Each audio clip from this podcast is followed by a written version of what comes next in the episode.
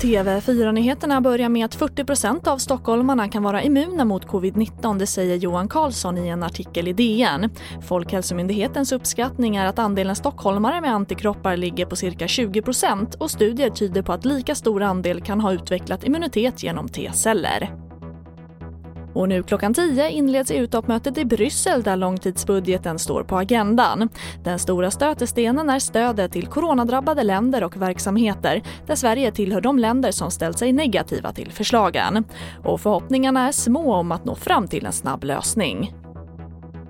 Och unga har motionerat mindre under coronavåren medan vuxna har fått mer tid till rörelse utomhus. Det visar de första resultaten av ett pågående forskningsprojekt på Malmö universitetet som undersöker hur idrottandet påverkats av coronapandemin. Det kan ju ha att göra med att de är så kopplade till den organiserade idrotten och många av deras aktiviteter har stängt ner. Sen kan det också ha att göra med att de, deras gymnasier har stängt och de har suttit hemma och jobbat framför skärm.